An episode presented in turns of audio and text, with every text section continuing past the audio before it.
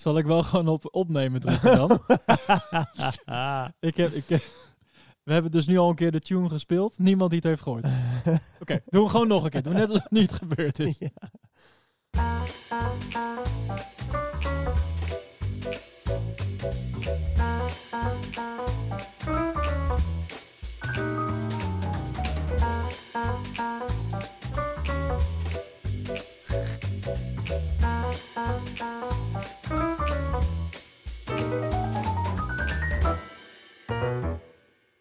Zal je maar gebeuren. Dat je gewoon een hele podcast bezig bent. Op een gegeven moment, ik had het dus te straks. Eh, Oh, ik ben met een kleine podcast marathon bezig vandaag. Ik had de Pole Position podcast opgenomen. Voor de liefhebbers van Formule 1. eh, luister. Ik denk, kan, kan heel leuk zijn. Kan ook Ja. nergens over gaan. Mag je zelf bepalen. Maar toen had ik op een gegeven moment ook op, op een kwartier of zo dat ik dacht... Ben ik, heb ik nou op opnemen gedrukt? is toch even... Toen keek ik... oh, gelukkig Oh. En nu was ik ook aan, naar de opname aan het kijken. Ik, er loopt helemaal niks. Maar we hebben wel de tuning gestart. Ah, fijn. Welkom bij deze eh, professionele podcast. One Challenge Accepted podcast. Met eh, mij, Ellen Kuipers. En, eh, en, en schuin tegenover mij, Martijn Willemsen. Yes, hallo. Ja, de tweewekelijkse challenge eh, podcast. Waarin we samen een, eh, ja, een challenge bedenken. Iets wat we, wat we samen doen, moeten doen. Apart van elkaar of samen ligt een beetje aan, maakt Ja. niet uit. En eh, daar gaan we dan eh, vervolgens over praten. En Ja. de challenge van deze keer was... kijk de documentaire The Defiant Ones op Netflix. Ja. Ehm, jij, jij had hem volgens mij al... Je hebt hem al een tijd geleden gezien, begreep ik. Eh, klopt, een maand of twee geleden had ik hem al gezien. Dus eh, het Oh, was voor mij een iets makkelijkere challenge deze keer. Ja. maar ik ben hem nog wel eventjes gaan, gaan terugkijken in delen. Eh. Omdat ja, het is echt zo'n grote documentaire. Hij is voor mij ruim vier uur bij elkaar. ja. Dus er gebeuren natuurlijk zoveel dingen in dat, dat er zijn ook best wel wel, of althans er waren wel dingen weggezakt. dus ik heb hem er gewoon weer even bijgepakt. En ben er eigenlijk doorheen gescrolld. En ja, het, het, blijft echt, echt een te gekke documentaire. Ik kan niet anders zeggen. Ja, om het eh, kort samen te vatten, het is een eh, documentaire, eh, staat op Netflix. Het, is een, het is een serie, het is een, documentaire serie. Het Ja. bestaat dus uit, uit vier delen. Ja. En het gaat over het leven van Jimmy Iovine en Dr. Dre. Ehm, twee muziekiconen, Ja. denk ik. Ieder op hun eigen manier en ook eh, hebben een eigen pad bewandeld. Ehm, dat, wordt, dat verhaal van die twee mensen wordt heel mooi ehm, soort van chronologisch ook naast Ja. elkaar verteld. En uiteindelijk eh, eh, kruisen de paden van de twee heren. Dat is eigenlijk ook waar, waar de documentaire mee begint. Namelijk eh, ja. de verkoop van eh, Beats by Dr. Dre. Wie Ja. kent het niet? Die, die koptelefoons. Eh, dat bedrijf dat wordt door Apple gekocht voor een bedrag van eh 3 miljoen volgens mij. Nee, 3 miljard. 3 miljard? Ja, Oh, dat zou ook nog kunnen. Ja nee, 3 heftig. 3 billion. Oh, ja, dat zou best 3 wel kunnen. billion was het Nou, inderdaad. Heel veel geld in ieder geval. En ehm, nou, dat is dus de start van de documentaire. En vanaf daar ga je eigenlijk eh, helemaal terug in de tijd. Zo van, oké, Ja. wie, eh, wie is Jimmy Iovine en wie is, eh, wie is Dr. Dre? En Ja. ja, dan begin je eigenlijk een beetje bij hun childhood en hoe ze zijn opgegroeid. En zo ga je de, door hun carrière heen. Ehm, ja, nou ben ik zelf, en jij ook weet ik, Ja. groot, grote liefhebber van, van ehm, muziek, documentaires. Muziek Ja, op zich zeker. hebben we Zeker, grote ja. interesse voor. Ik vond het heel leuk om te zien hoe uiteenlopend de, de artiesten waren die mee hebben gewerkt aan, aan deze documentaire. Dus die eigenlijk Ja. allemaal ehm, ja, op een of andere manier betrokken zijn in de levens van deze twee, eh, Gaaf, deze twee mensen. Ik heb, eh, ik heb echt aantekeningen gemaakt ook. ik heb uitgebreid aantekeningen. Oh, ik moet ze nog even erbij pakken, zie ik. Ik zou hier denk ik wel vier afleveringen over kunnen maken. Zo ja. zoveel aantekeningen heb ik Zoveel gemaakt. de- details en personen en gebeurtenissen. En Het is echt bizar. Ik weet ook niet hoe ik dit moet aanvliegen. Heb jij een suggestie? Eh, nou, het is wel grappig, want ik zat eh, onderweg hier, hier naartoe daar ook over na te denken. En ik denk, ja, hoe gaan we nou eh, vier uur aan, aan beeldmateriaal, wat uiteindelijk chronologisch gezien, denk ik, twin, nee, denk iets van 30 jaar is Ja, of zo, aan, aan, aan gebeurtenissen. ja. Maar wij natuurlijk ook een deel ook gewoon, eh, die, die hebben we meegemaakt voor een deel Ja. zelf. 40 jaar denk ik zelfs. Het begint al in de 40 jaren 70. Ja. Oh 70, ja, 80, ja, 90. Ja, ja, met Jimmy Iovine. En toen dacht ik, ja, volgens mij is het beste begin gewoon bij het begin. Dus Nou, heb je dat mooi gezegd, zeg. toch- oh, die vierkantig of een tegeltje. Nee, ja, ik dacht van misschien, misschien is het... Kijk, het, het is denk ik ook niet eh, de bedoeling dat we een volledige samenvatting geven van, van de documentaire. Want ja, dan moet je hem gewoon bekijken natuurlijk. Ehm, maar misschien kunnen we het wel een, enigszins chronologisch aanvliegen. Dat we een beetje eh, per, per tijdsperiode ja, gaan overleggen wat ons opviel, wat we er leuk aan vonden, eh, of misschien minder leuk. En dat we het van daaruit ja, gewoon het, het, het gesprek laten lopen, zeg maar. Ja. Ja, dat is, dat, dat is goed. Ik, wat ik al zei, ik, ik, ik, vind het, eh, ik weet echt geen, eigenlijk geen idee hoe je dit moet, eh, hoe je dit moet aanvliegen. Ehm, wat je al ik denk niet dat het handig is om de hele documentaire te bespreken, nee. Ehm, misschien kunnen we beginnen bij ehm, eh, een moment wat je het meest is bijgebleven uit de documentaire. Voor mij is die misschien iets verser dan die bij jou. Maar je hebt wat dingen teruggekeken, Ja. zei je. Ja, dat is een goeie, want er zijn... Kijk, waar ik echt van, van kan smullen, dat is een beetje mijn eh André Hazes live, eh, eh, real life soap, zeg maar, waar heel veel mensen van kunnen smullen. Ja, ja, ja. Dat zijn zeg maar zulke verhalen waarin je dus hoort van oké, hier heb je een persoon en die kwam heel toevallig die persoon tegen en toevalligerwijs hebben ze weet ik veel, iets heel bijzonders gemaakt wat de rest van de geschiedenis heeft veranderd. En eh, ja, daar kan ik gewoon echt van, van smullen. En daar waren er een aantal van Ja, heel veel eh, momenten van, ja. in, in die, in, in die eh, documentaire. De eerste die bij mij toen in me opkwam, dat is dan grappig genoeg weer de laatste aflevering. Oh ja, ja, ja. En dat is eigenlijk hoe Eminem is ontdekt. Ja. En dat komt voornamelijk omdat ik van alle personen die langs zijn geweest, Eminem denk ik wel het beste ken. Omdat ik ben iets later ingestroomd in, in de hip-hop scene, zeg maar. Ja. En voor mij was Eminem, ja, ik denk wel dat hij ook wel een beetje mijn, ehm, eh, hoe zeg je dat, mijn eh, ingang was tot de, tot de hip-hop. Ja. Wat, wat zal het zijn, een jaar of 15 geleden of zo, misschien wel langer geleden. Eh, en ik vond zelf het verhaal hoe hij zeg maar bekend is geworden door Dr. Dre, maar hoe Eminem ook Dr. Dre eigenlijk heeft, heeft gered van een ondergang. Ik vond dat wel een heel gaaf verhaal. Ik heb ehm, op YouTube zag ik ook ehm, een, een klein stukje ervan. Daar hebben ze, iemand heeft dat ergens uitgeknipt. Of Mhm. ik, zal, het- ik zal het in de show notes ook zetten. ja. Dat is wel een, eh, een, een leuk ding ook. Hoe, ehm, hoe hij bij Dr. Dre terecht is gekomen. Volgens Ja. mij ging het, eh, om misschien even het ha- verhaal iets meer te verduidelijken. Eh, Jimmy Iovine is een eerste instantie een producer. Ja. Onder andere van artiesten als Bruce Springsteen, John Lennon. John Lennon mee. als allereerst. Ja, Ja. eh, was zijn eerste klusje. Ja, zijn eerste, ja, eerste klusje. Ik heb hier een man, misschien ken je hem. Hij heeft in de grootste band in de, van de wereld gezeten, maar dat maakt er niet uit. Ehm, maar ook eh Patti Smith. ehm, even denken. Weet je, wat is nog meer voorbij? Eh, U2 heeft hij, hij heeft voor heel veel mensen heeft hij eh, geproduceerd. Ja. Op een gegeven moment is hij ehm, van het produceren een beetje weggegaan. Eh, hij had ook eigenlijk veel meer ehm, feeling met de, met de zakenwereld, Ja. met eh, de zakelijke kant van de muziek. Ehm, maar ook weer niet helemaal, want op een gegeven moment merkte hij dat hij hij trok het helemaal niet zo goed om heel erg met zakenmensen om zich heen te zijn. Hmm. Hij, hij vond het veel fijner om met artiesten en met kunst eh, bezig te Ja. zijn. En nou, uiteindelijk eh, kwam hij tot de conclusie van... Oké, wat nou als ik... eh, eh, produceren en producers vind ik tof. Wat nou als ik zeg maar producers bij elkaar ben en breng... en daar zeg maar de producer van word, de leider van. Dat is een beetje... Ja. Daarmee is die en half zakenman eigenlijk. En, en toch nog soort van half producer. Alleen Ja. niet meer direct achter de knoppen, zeg maar. Nee, nee. Dus ehm, eh, dat is een beetje zijn leven. Ja, Dr. Dre kennen we natuurlijk ehm, eh, als artiest, denk ik, heel veel mensen. Ehm, maar hij is eigenlijk een producer ook van heel veel andere hip-hop artiesten. Eh, is groot geworden met de eh, NWA, Niggas with Attitude. Eh, dat is een hele grote hip-hop collectief geweest in de jaren hmm, 80, uit 80, mijn hoofd. ja. Ja. Ja, 80 uit mijn hoofd, uit jaren 80. En ehm nou, wat ik al zeg, daarna hij als, zelf als artiest eh, Ja. onder andere, maar ook heel erg als producer van onder ja, andere vooral M, eigenlijk. Ja. Eminem, Ja.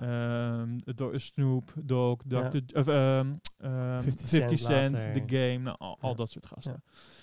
Dus dat zijn om een beetje de twee, eh, twee mensen, zeg maar, een klein beetje eh, te verduidelijken Ja. wie het zijn, mocht je Ja. het niet weten. Ja. Ehm, Wat, wat ik heel leuk vond in de documentaire waren. ehm, er zaten.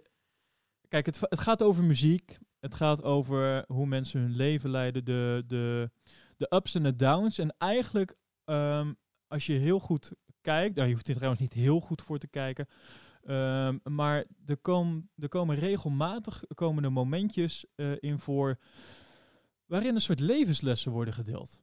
Waarin, Zeker weten, ja. ehm, En als je die, die zou opschrijven, ik heb ze, eh, nou denk ik allemaal toch wel genoteerd, eh, dan, heb, je, heb je eigenlijk een heel mooi lijstje van wat maakt mensen succesvol, ehm, wat maakt mensen ook niet succesvol. Ja. Daarmee dus eh, eigenlijk gelijk. Ehm, en ja, wat, wat, wat kan, wa- kan jou onderscheiden van andere mensen? Eh, en dat, dat vond ik heel tof. Eh, dat waren echt momentjes dat ik meteen aanging. Dat ik dacht, oh, dit is echt zo'n... Weet je, deze mensen hebben al zoveel meegemaakt. Hebben alle, alle ups en downs meegemaakt. Ja. Dus alle toffe dingen, ja, daar kan je jaloers op zijn. Maar ook alle shit. Nou, daar hoef je niet altijd per se jaloers op te zijn, zeg maar. Eh, en, maar daaruit hebben ze in de loop der jaren wel zoveel kennis en zoveel ervaring in, het leven, in het leven opgedaan. Hebben alles al gezien. Ehm, dat je, ja, daar kan je zoveel van leren. En dat, dat vond ik het meest toffe aan de documentaire. Buiten dan dat ik als muziekliefhebber heel erg kan smullen Ja. van eh, de studioopnames bij onder andere eh, Bruce Springsteen en, en Patty en ook bij U2. Die backstage beelden, dat vind ik echt fantastisch. Ehm, maar dat vond ik het allerleukste. Ehm, ik zal er daar denk ik eens even een aantal eh, van, van delen. Die, dan moet ik even zoeken hoor, want ik heb ze niet eh, bij elkaar eh Oh, opgeschreven. oké. Steeds als ik tegenkwam, denk ik, oh ja, Even eens opschrijven. opschrijven. Oh, tof. Ja, daar ben ik ook, ook wel, wel heel, heel erg benieuwd naar. Want ik heb Ja. dat ook wel zo ervaren, maar ik denk misschien iets minder bewust als jij dat hebt gedaan dan. Ehm, maar je, de, de, de grap is wel is dat je, je bent wel aan het kijken naar ja, toch eigenlijk wel twee mensen die heel erg extreem zijn in wat ze doen. Ja. Eh, ik denk oprecht dat je ze eh, heel erg kan vergelijken met Steve Jobs. eh, die qua, qua focus en qua doorzettingsvermogen en qua visie echt eigenlijk wel op, op één lijn liggen. Ik denk dat alleen misschien no- nog iets meer mensen Steve Jobs kennen, omdat hij natuurlijk iets meer mainstream is. En ja, de meeste mensen die, die, kennen die naam wel. Maar ik denk dat die echt, echt op, op, op, op één lijn liggen daarin. En Ja.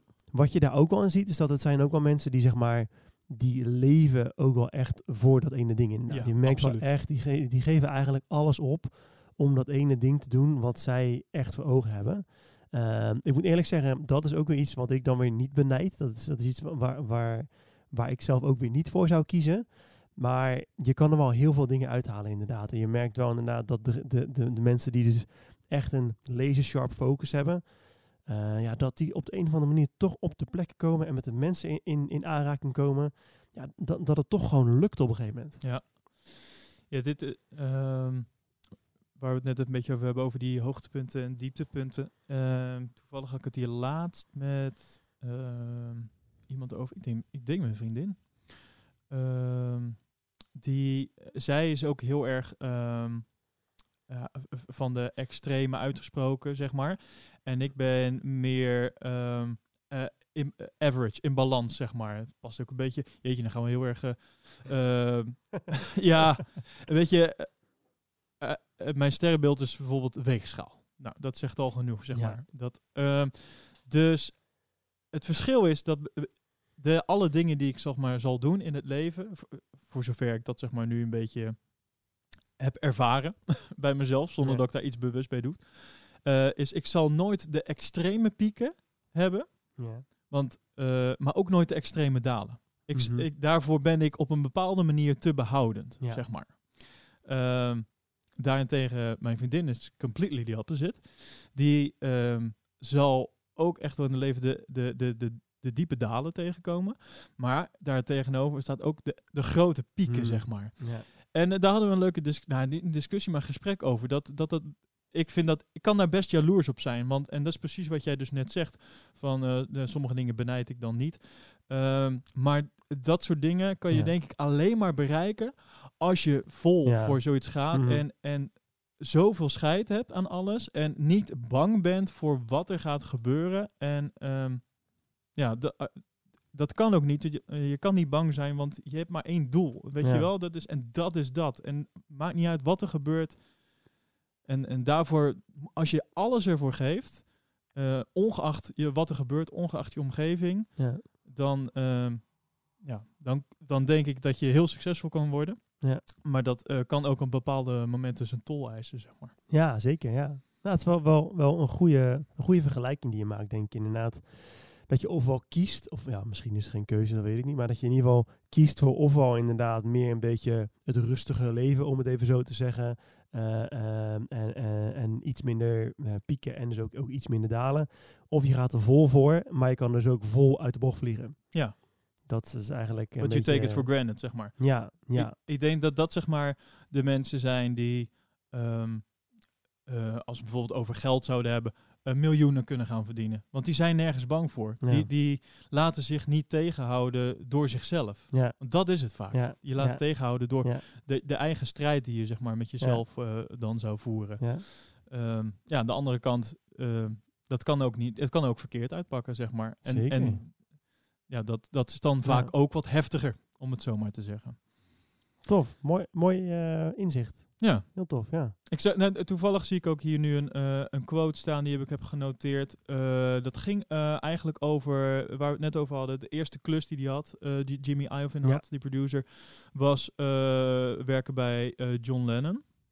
Ehm, de studio waar hij werkte, volgens mij, hij sweepte de floor daar toch? Zoals ze dat Ja. zeggen. Hij maakte gewoon Ja. schoon daar zo. Ja? En hij werd gebeld. ehm, nee, op, op een gegeven moment eh, was het zo dat de, de, de eigenaar van de studio... Ja.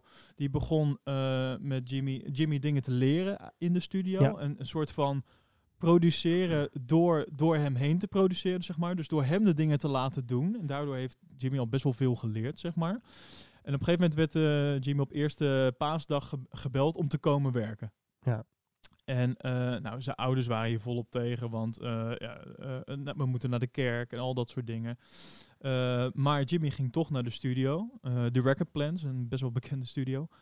En ehm, toen hij daar aankwam was het eigenlijk van, nou, ik wilde eigenlijk alleen even weten of jij ook op zondag zou komen werken. Ja, een soort ja. test was het eigenlijk. En het bleek dat de assistent van, van die studiobaas, die kon niet komen. En John Lennon en, en die, die man, Roy heet hij, die hadden besloten dus eh, oh, om Jimmy te vragen om te komen helpen aan dat album, zeg maar. Dat is zeg maar zijn introductie geworden in, eh, in de muziekwereld. En, en daarbij heb ik de quote opgeschreven die Jimmy toen heeft uitgesproken. Uh, making fear as a tailwind instead of a headwind. Hmm. Uh, dus hij zegt, angst is een sterke drijfveer. Dat was natuurlijk, dat was best wel een ding om dat te gaan doen, zeg maar. En ik denk dat uh, er meer signalen in zijn lichaam schreeuwden. Nee, Dat kan ik dit niet." kan ik Ja. niet. En hoe? En weet je, ook Ja. al zou je het heel tof vinden, je krijgt natuurlijk allemaal, ja, ik ben niet goed genoeg, ik kan het helemaal niet. Allemaal van dat soort overtuigingen.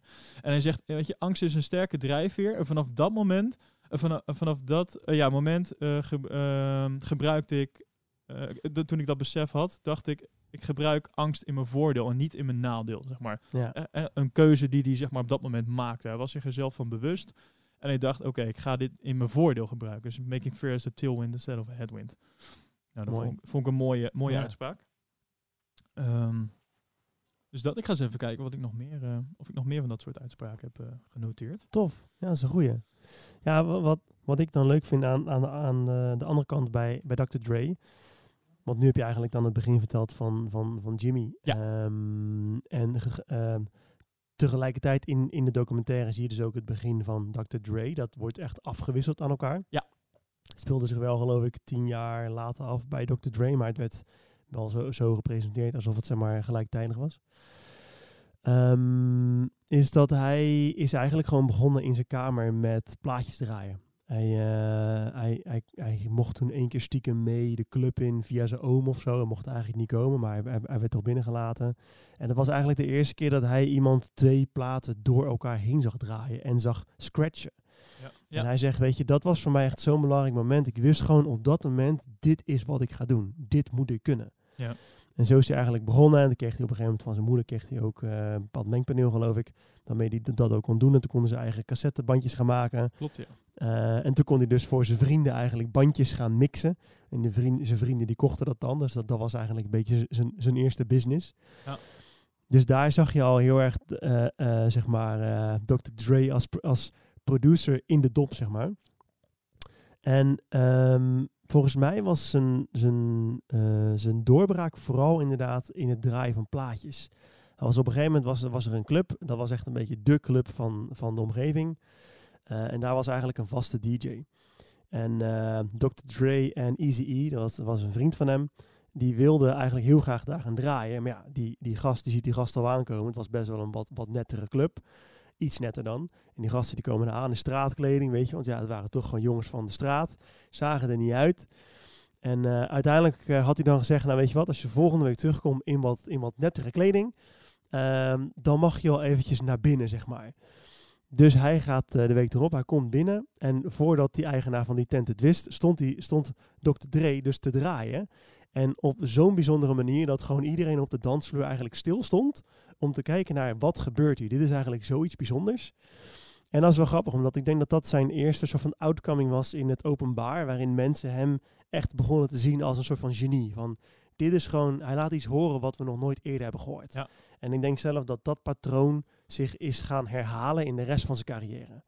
Dus Ja. ik, ik vond dat ook wel eh, echt een heel gaaf begin. En daarna komt natuurlijk nog, nog een hele reeks aan, aan gebeurtenissen en aan, aan, aan muzikale dingen die hem verder hebben gevormd. Maar ik vond, ik vond dat wel een grappig begin. Ja, hij had, eh, wat hij deed, is hij mixte twee liedjes. Hij mis- mixte een jaren 60 liedje Ja. met, eh, met een hip-hop liedje. Dus volgens mij, het was Mr. Postman en Jive Rhythm Tracks 122. Die twee liedjes die mixte hij met elkaar. En die club-eigenaar die, eh, die werd dan ook geïnterviewd voor, dit, voor Ja. deze docu. Die zei ook van, people were still grooving, eh, but grooving confused. Ja. though." Mooi, hè? Ze wisten niet wat, ze, wat er gebeurde, zeg maar. Dat vond ik wel, Ja. dat vond ik een heel mooi ding. Ehm, nou, vervolgens, eh, nadat eh, de klus met John Lennon eh, was gedaan, was, ehm, kwam Bruce Springsteen op zijn pad. Die ging het album eh, Born to Run eh, eh, opnemen. En ehm, de engineer, eh, die was na een paar dagen, was, was gewoon ineens weg, zeg maar. en John Landau, de, de andere eh, ja, producer, engineer, die vroeg dus aan Ginny, Jimmy van, kan jij dit doen? En dit is ook wel mooi. Volgens mij hebben we dit ook ergens eh, eh, op jouw kantoor, op jou, van jouw bedrijf hangt er ook ergens zoiets, Oh ja, een ja. uitspraak. Hij zei, ja, hij zei, hij- ik wist niet zeker of het kon, maar ik zei ja, waarom niet? Dus, en daar heeft hij in eerste instantie denk ik wel een beetje spijt van gehad. Want ehm, Bruce is, is echt een, een, een keiharde werker, zeg maar. Ja. Dat, eh, dat is een van de karaktereigenschappen waar hij om bekend staat. En ehm, hij heeft ook, had ook heel duidelijk een artistieke visie. En ehm, heel de band waarmee hij werkte, ja, die, die waren allemaal bekend met die visie. En ze waren allemaal heel erg vastberaden om dat vast te houden en om daarmee door te gaan. Dus ze waren constant bezig met het najagen van dat, van dat ene idee, van die ene Ja. visie, zeg maar. Eh, dus hij zei ook, als je meedeed, dan moest je geloven dat het het waard was. Ehm, wat, wat resulteerde in hele lange studiodagen. ja. Eh studionachten ook. Eh, en Bruce, als, zeg maar, als soort van leader of the pack, die, die zag het ook als zijn taak om, om dat ook echt waar te maken. Om uiteindelijk dus met een album te komen wat, nou, wat volledig voldeed aan dat wat, wat ze van tevoren hadden Ja. bedacht met z'n allen. Ehm, maar ja, Bruce verloor dus eh, de, de tijd vaak uit het oog. We was lang bezig met experimenteren en elk detail werd eh, doorgepiekerd. Op een gegeven moment werden ze met een bepaalde drum sound. eh, we hebben ze drie weken gedaan om de juiste drum sound te krijgen. Ehm, en er werd op een gegeven moment ook bij gezegd: dat gaat ver. Maar soms moet je ver gaan. en, maar ja, Jimmy die trok dat aan het einde ook steeds slechter. Hij werd moe, viel in slaap achter het mainpaneel. En, ehm, maar ja, de, de engineer kreeg in die end altijd de schuld of het ge- geluid wel of niet goed was, zeg Ja. maar. Dus eh, op een gegeven moment nam die, die studiobaas, die John waar ik net over had, die nam hem even apart. apart en die, eh, want eigenlijk wilde Jimmy ermee stoppen. Die had zoiets van, nou, ik ben dit, ik geloof dit wel, hier ben ik Ja. klaar mee. En toen zei die baas van, eh, stay in the fucking saddle. Weet je wel, zorg dat je niet van het paard wordt gegooid nu. Ja. Weet je wel, blijf erin zitten. Ehm, want hij, eh, die baas zegt van, "Je- mist zeg maar het grote plaatje hier zo. Hij zegt, waarom zijn wij hier? En dat is, we zijn hier om Bruce te helpen met het beste album te maken eh, wat hij kan. Zeg, en- dat is onze, onze job. Zeggen we zijn hier niet om, eh, om jou of mij gelukkig te maken. Ja. We moeten bijdragen aan het project, weet je wel. En het is Bruce een project. Ja. Dus eh, als je nu teruggaat naar Bruce en zegt van... eh, sorry, weet je, it's not about me, it's about the album. Dan heb je een vriend voor de rest van je leven, zegt Ja. hij. Dus, en, en dat heeft hij dus gedaan. En, en, zegt, en daarmee heb ik dus ook een grote les geleerd. En wat hij vooral dus in die periode heeft geleerd... en dat is wat je later ook heel erg, ehm, denk ik, nog steeds terug Mhm. eh, ziet... is werkethiek. Mhm. La, ergens verderop in de docu, volgens mij een van de laatste, eh, de laatste aflevering, gaat, he- beschrijft iemand Jimmy als. Eh, hij vergelijkt hem met Steve Jobs. Mhm. En hij zegt ook. ehm, als een dag uit 25 uur zou bestaan, zouden die jongens er nog alles aan doen om er 26 uit te Ja. persen. Zeg maar. Ja. Zo erg zijn ze met hun Ja. werk eh, bezig en met, ja, met die, zo gefocust op dat, zeg maar. En ik denk dat dat wel een van de dingen is die hij daar heel erg heeft opgepakt Ja, die klopt. werkethiek, op die manier bezig zijn. eh, in dit geval in, in dienst van de ander. Of in dienst van het project. Ja. Dat, eh, ja, dat Ja, klopt. wel- Dat is, dat is wel een groei inderdaad. Want je merkt ook later in, in, de, in de documentaire en dus ook zeg maar in zijn carrière. Wat, wat echt, echt een patroon is bij, bij Jimmy Iovine is dat ehm, je merkt dat hij de juiste mensen bij elkaar vindt en dan hun, hun gang laat gaan. Ja. Dus je merkt dat hij niet bezig is met ik ben de baas, dus ik moet dit. Maar we willen dit bereiken, dus jullie doen dat. En dat is denk ik zo'n groot verschil met hoeveel, of met, met hoe eh, heel veel andere mensen zeg maar daarmee om zouden gaan. Ja.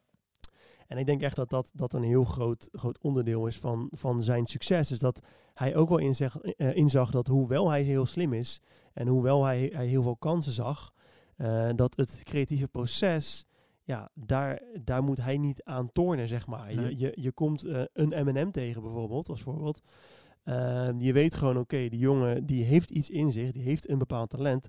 Laat hem dat zeg maar eh, eh, uitvoeren. Ik geef je de tools en de tijd en het geld om het te doen. Ja. En jij bent uiteindelijk degene die, die het moet doen. En ehm, ik, denk, ik denk dat dat hier deels eh, ook uitkomt in de zin van werken aan het eindresultaat. En dat is precies hetzelfde wat je ook zag bij Dr. Dre.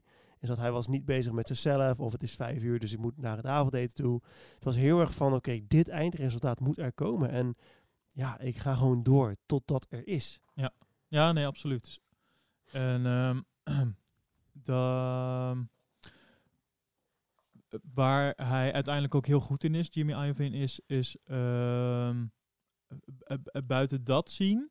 Eh, hij kan dingen, eh, hij voelt dingen heel goed aan en hij ziet dingen van tevoren al heel Ja. erg. eh, kan hij dat heel goed in, inschatten. Dus hetzelfde wat je in het begin net zei, is dat hij, hij weet de juiste, bijvoorbeeld ook de juiste mensen bij elkaar te Ja. zetten. Hij, hij weet van, oké, dit werkt goed, dit werkt goed. Als ik het samen ze, Ja. breng, dan werkt het ook goed of werkt het beter, zeg maar. En dat is, en, maar daarna moet je het ook weer loslaten, zeg maar. Dat is wat het is. Facilitator is het eigenlijk bijna. Ja, eigenlijk wel, ja. Klopt, ja. En daar was, ja, dat was een van zijn sterke punten, Ja, toch wel. ja, En, en, en daar zijn de dingen uit voortgekomen als eh, eh, aan het einde van de docu ehm, ehm, krijg je echt een opsomming van namen.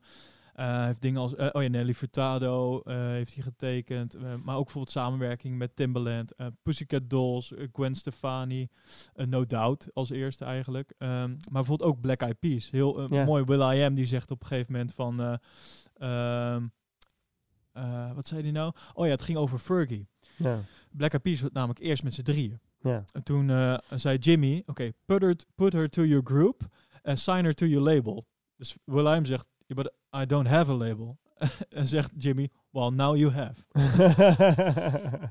Weet je wel, eh, dat, dat is zo mooi. Gaaf, hè? En, en zo is zeg maar de Black Eyed Peas geboren en daarmee dus ook, tenminste de, de Black Eyed Peas 2.0 eigenlijk, want Ja. dat is wat het is. Ja. En hij, wa- hij ging ook altijd doorgraven bij, bij artiesten. Dus als ze dan een hit hadden, oké, make another one of this. And make another one. And make another three of these. Weet je wel? Altijd maar weer Ja. eh, doorgaan. Ehm, en volgens mij was het Dre die ook eh, ergens heeft gezegd. En dat is wel leuk hoe je ziet hoe, eh, ook al staan de mensen los van elkaar, ook dezelfde soort gedachten of dezelfde soort eh, karaktereigenschappen hebben.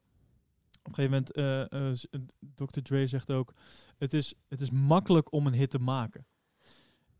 En het is ook het meest moeilijke wat er is om een Ja. hit te maken. En het is makkelijk om aan de top te komen. Oh, nee, M, Eminem die zegt op een gegeven moment van eh, it's easy to make to the eh, oh nee, you gotta work hard to make it to the top. You gotta work twice as hard to, maintain to maintain it. Ja. En dat is wel, ja, dat, daarom ook altijd die, die, Ja. die drijfveer van, oké, je hebt nu een hit gemaakt, oké, maak er nu nog één. Ja. En maak er nu nog Ja. zo'n liedje. Je Ja. wil altijd maar doorgaan. En, Doorgaan, doorgaan. Ja, inderdaad. Want ik, ik, ik kan me goed voorstellen dat, dat een artiest denkt zo, ik heb een hitje, nice, ik ga even lekker eh, op Ibiza zitten, een eh, weekje, cashje. een paar weekjes en even lekker cash inderdaad, gaat goed. Terwijl dan, je, je moet, je moet het ijzer, eh, het ijzer smeden als het, eh, Als het heet is. als het heet is, toch? Hoe ging die ook weer? Als het vuur Ja. is? ik ben even kwijt. Iets in die troon. Dat is wel grappig dat je uh, Gwen Stefani ook aanstipt. Want w- wat ik wel een grappig stukje vond uit de, de documentaire, het was eigenlijk een vrij kort stukje. Maar je zag eh Gwen Stefani zeggen, eh, ik weet even niet meer hoe, hoe zij in, in, in contact kwam met Jimmy Iovine. Maar ik weet nog wel dat, dat Jimmy Iovine, die had dus op een gegeven moment tegen haar gezegd, oké, ik geloof in je, over zes jaar ben je er klaar voor. En dan zie je dus later in de documentaire, gewoon echt precies zes Ja, jaar ja, later, ja, komt zij hè? uit met de hit No Doubt. Dat hij op de een of andere manier, doet, het wordt misschien ook, ja, omdat je dat uitspreekt, ga je er een beetje naar handelen wellicht. Maar Don't het, speak. Het, het had ook, het had, Grappig. Ja. Oh, wacht. Nee. nee, Nee. ja, Zo. daar is hij. Sorry, zoek het. Sander.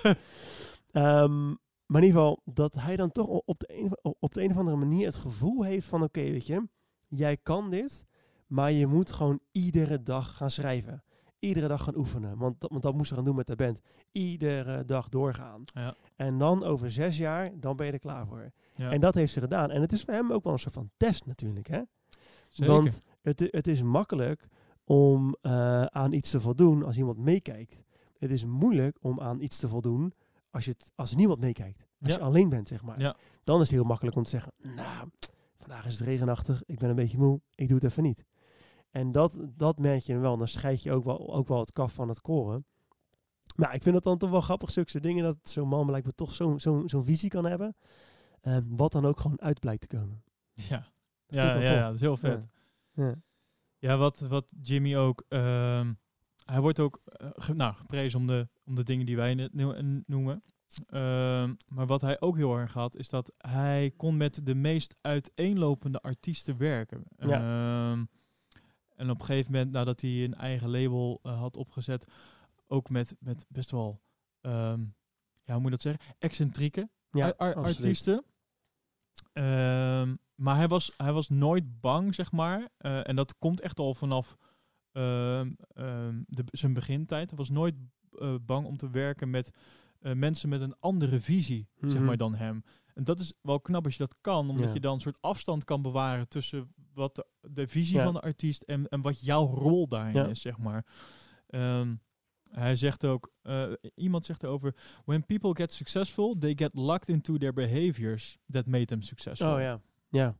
Eh, dus het zou voor hem heel makkelijk zijn om vast te houden aan, Ja. aan de mensen, soort van mensen waarmee hij samenwerkt. De, de, de, ja, hoe moet je dat zeggen? De omgeving waarin je je op dat moment bevindt. Maar eh, hij werd juist geprezen om het feit dat- hij dat makkelijk los kan laten. Hij, zegt, hij is niet bang om samen te werken met andere mensen, eh, met andere mensen met een visie. En eh, een quote die daarbij kwam was: Jimmy's career is based on a lack of fear of moving forward. Mhm. En daar moet je best wel ballen voor hebben. Het is Ja, heel makkelijk om in je comfortzone te blijven. Ja. En, maar daar, daar gaat het op een gegeven moment niet meer gebeuren. Nee. Daar, daar, Ja. daar, daar zit de groei niet meer Ja. Voor jezelf. Maar er zit ook niet meer per se de uitdaging ook altijd. Ja, klopt inderdaad. En, en ik, ik, ik vind het grappig wat je zegt, omdat ik denk dat Jimmy met uiteindelijk ook zijn label Interscope, ehm, ik denk dat hij uiteindelijk, als je, als je er goed naar kijkt, is hij zeg maar het, het tegenovergestelde van de meeste andere labels. Omdat ik denk dus dat, dat de meeste labels, die zoeken naar iemand die goed is, die ze kunnen molden naar, dus zeg maar kunnen vormen naar hun idee Ja, van, nou ja. bijvoorbeeld, hè, dat zie je ook heel erg in, in, in de country muziek. Eh, ze zoeken een artiest die ze dan kunnen vormen naar hoe zij vinden dat country zou moeten zijn. Ja. Hè, en, en dat verschilt dan misschien wel een beetje per, per artiest, want die heeft zo'n stem en die is goed met een gitaar, weet ik het wat. En bij Jimmy zag je juist het, het, het tegenovergestelde. Hoe kan ik nou iemand vinden met zo'n sterke eigen visie, die, hè, dat zijn vaak ook de mensen die een beetje gek zijn. Althans, sorry, die als, als een beetje als, als, als een gekje worden gezien, laat ik zo zeggen. Daar zit een verschil in. Ehm, maar die zeg maar, zo'n sterke mening hebben eh, en visie hebben. En hoe kan ik die dan juist gewoon hun eigen ding laten doen? En dan krijg ik dus de, de Nine Inch Nails-achtige bands. Ja. Die eh, waarschijnlijk in eerste instantie echt voor een niche zijn. Want ja, het is zo specifiek dat, dat de mainstream het waarschijnlijk ook niet direct oppakt. Maar de niche wel zo heftig fan wordt. Omdat zo'n band heeft gewoon, gewoon de vrijheid om gewoon precies hun eigen visie uit te werken. En ik denk dat dat echt het grote verschil is tussen een Jimmy en andere platenlabels. En ik denk dat je ook zo'n verschil gaat zien tussen een Dr. Dre en andere producers, maar ook een Steve Jobs en andere computerfabrikanten. Ja, Weet je, ik, ik denk dat, je, dat, dat dat een soort van het patroon is wat je eruit kan halen bij die mensen. Is dat zij juist iets doen. eh, is, is, althans, zij zijn juist niet bezig met alles vormen in één mal. Maar juist heel erg op zoek gaan inderdaad naar het nieuwe. En juist naar het... eh, dus niet juist hoe kan ik iets breed gedragen krijgen. Dus dat iedereen het leuk vindt. Maar hoe kan ik iets maken wat, eh, wat iemand, waar iemand echt achter staat. En Ja. echt iets bij voelt. Ja, nee, absoluut. Eh, je, je haalde net de Nine Inch Nails aan. Dat vond, daar zit wel een heel leuk verhaal achter. Nine Inch Nails die had een platendeal. eh, eh, ze hadden net één plaat uitgebracht. Ze zaten nog voor zeven albums vast ergens. Maar ze wilden eigenlijk weg. Ze waren ontevreden, ze wilden weg. Eh, maar ja, je komt natuurlijk niet zomaar van zo'n van zo'n Nee. contract af. En toen eh, Jimmy eh, Nine Inch Nails op zijn radar eh, kreeg toen, eh, en hij hoorde dus dat zij weg wilden, ging hij dus eigenlijk soort van alles in, in het werk stellen om, om hun getekend te krijgen. Ja. Hij zei, en normaal gesproken zou een grote maatschappij eh, iets met een rechtszaak uiteindelijk proberen eh, het contract uit te kopen of wat dan ook, en dan de band over te nemen en vervolgens gewoon verder te gaan. Zeg maar, eh, Jimmy die dacht, ik- die wilde het niet op die manier doen. Hij dacht, de beste manier wa- eh, was volgens hem als iemand de maatschappij zou overhalen om samen te gaan werken. Hmm. Maar dus ook weer anders denken, zeg maar. Ja. Dat doet hij heel veel Ja. ook. Heel Ja. anders denken dan de, de, normale oplossingen. gemiddelde, ja. Ja. Ja, klopt. Ja. Of de meest voor de hand liggende oplossing. Juist. En wat hij deed, is hij, hij sprak elke dag voor een jaar lang. Nou, weet ik niet, in dat soort eh, eh, documentaires worden dan zulke soort uitspraken gedaan. Denk ik, ja, dat is makkelijk gezegd. Ik weet niet of ik me nou echt dat erbij voor moet stellen. Maar laten we ervan uitgaan dat hij heel veel gebeld heeft met eh, de, de platenbaas. eh, maar, en ook met de band. Wat hij eigenlijk deed, is hij, hij had de twee partijen. Die ging hij constant bellen. Dus met Nine Inch Nails was hij aan het onderhandelen over een contract. En aan de andere kant was hij met de platenbaas aan het onderhandelen om ze daar weg te kunnen krijgen. En, en, en, en werd dan gezegd, elke ochtend was hij om zes uur al bezig met bellen. En eh, nou, in ieder geval, uiteindelijk was het dus gelukt. En kreeg hij ze dus eh, onder zijn label. En de, de onderhandeling met Trent Reznor, zeg maar de, de, eh, de zanger eh, van de Ja. band. Die waren dan ook ergens in een hotelkamertje. Het was allemaal een beetje loesje en zo. En hij had een aantal eisen. Het mooie is, de, de antwoorden van Jimmy waren elke keer... Oké, wat wil je nog meer?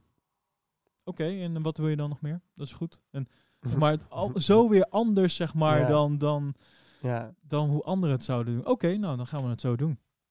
Weet Tof, je wel? Ja, dat is zo mooi. ja. ja, maar ik, ik denk dat dat... Kijk, het ding is een beetje... Ik denk dat, dat heel veel mensen eh, binnen de muziek... Maar ik denk überhaupt ondernemers en mensen die bijvoorbeeld ook... eh, de taak hebben binnen een bedrijf om andere mensen aan te nemen, om het even zo te zeggen. Want dat is eigenlijk waar het om gaat, ook hier. Gewoon een band aannemen. Ehm, ik denk dat heel veel mensen bang zijn om iemand aan te nemen ehm, waar het misschien niet, niet, niet goed mee gaat. En dan ben je misschien ook eerder geneigd om dus te gaan onderhandelen. Van oké, dat wil je nou wel, maar dan ga ik er weer iets onder zitten en dan ga jij daar weer iets boven zitten. Maar het ding is een beetje, is dat Jimmy, die was denk ik alleen maar, in ieder geval, in ieder geval de dingen die we hebben gezien nu, alleen maar aan het onderhandelen of eigenlijk in gesprek met de mensen waar hij al zoveel vertrouwen in heeft, dat al, al vroegen ze de hele wereld, hij zou het ze geven Ja. omdat hij wist gewoon al, dit gaat goed komen. Hij heeft gewoon dat vertrouwen. En ik denk, ik, ik denk zelf dat heel veel mensen dat dus niet altijd doen. Omdat ze dus gewoon simpelweg niet het vertrouwen hebben in die persoon. Klopt. Dat hij gaat waarmaken wat hij of zij zegt. Ja. En daar zit denk ik het verschil. Zoek die mensen eh, waar je gewoon, op, eh, eh, waar je gewoon in, in eerste instantie echt al het vertrouwen in hebt. Ja. En ik denk dat, dat mensen dat heel spannend al vinden. Want ja, eh, ga maar eens zo iemand vinden. Hè. Dat is al snel een, een, een, een gedachte die er is. Goede mensen zijn moeilijk om te vinden. De, hoe vaak heb ik dat niet gehoord de laatste jaren, zeg maar. Ehm, maar ze zijn er wel. Ja. Dus ga jezelf met mensen omringen die goede mensen kennen. En ga die mensen dan eh, aantrekken en geef ze wat ze willen. En laat dan hun, hun magie uitwerken. Wat voor jou natuurlijk ook echt een hele dikke win is. Er zijn een aantal van dat soort ehm, ja, patronen die steeds te herkennen zijn. Ja. Ehm, hij had ook gewoon een heel goed gevoel eh, voor dat soort dingen, zeg maar. Dus hij wist ook precies welke, nou, wat we net over hadden, welke mensen die bijvoorbeeld bij elkaar moest zetten. Maar hij wist ook precies ehm, welke bands die, of artiesten die wel wilde hebben op zijn label of niet. Ja. En, ehm, en dan was hij ook vastberaden. Dan ging het ook gewoon gebeuren, zeg maar. Eh, hetzelfde zat hij, en dat is ook wel, eh, wel mooi. en dat komt dus ook best wel regelmatig terug. En dat laat ook zien hoe belangrijk het is als je een bepaald, een bepaald doel voor jezelf hebt gesteld, een bepaalde visie. Eh, op een gegeven moment eh, was, had hij voor zichzelf als doel gesteld van, ehm, je had At- Atlantic Records. In de jaren 70 hadden zij zeg maar de grote der aarde ehm, eh, uit de rock en Ja. uit de urban hadden ze bij elkaar. Dus Rolling Stone staat op hetzelfde label als Ray Charles volgens mij. Wat er, ja. Snap je? Dus uit twee verschillende werelden kwamen, had- hadden ze zeg maar de grootste artiesten.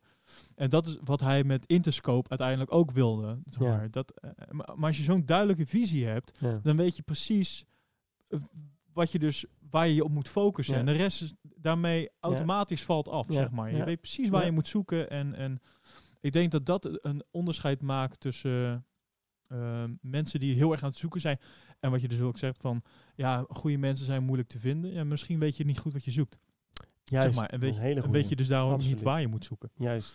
Ja, helemaal waar. Ja. En dat steeds zeg maar precies weten wat hij wilde. En, en, en ook Dre heeft dat heel erg. ehm, want hij heeft ook weer momenten gehad dat hij het even helemaal niet meer wist. Ja. Dat hij eh, uit, de, uit die groep is gestapt door Ja. strubbelingen onderling, et cetera. Voelde hij echt weer alsof hij terug bij af was. Maar vervolgens vond hij vrij snel weer zeg maar, het pad waar hij naartoe wilde. En eh, zodra hij dat wist, ging het pijl snel, zeg maar. Ja. Dat was heel leuk is Ja. om te zien. Zo grappig trouwens, ik, ik, ik, ik ben benieuwd hoe jij dat eh, hebt ervaren. Ik heb zelf het gevoel bij Dr. Dre nu, nu, nu ik hem eh, zo heb gezien in die, in die documentaire, dat hij aan de ene kant heel erg, of dat is heel erg, eh, hij is denk ik aan de ene kant introvert, Mhm. maar aan de andere kant zie ik allemaal clips, ook zeker een beetje van vroeger, dat hij met vrouwen bezig is en dan, en dan, en dan loopt hij met pistolen en fuck the police en weet Ja. ik het wat. Dus ik, ik, vond, ik vond dat best wel een dubbel beeld of zo. Dat hij, ik had zelf het gevoel dat hij een beetje mee moest in de straatcultuur.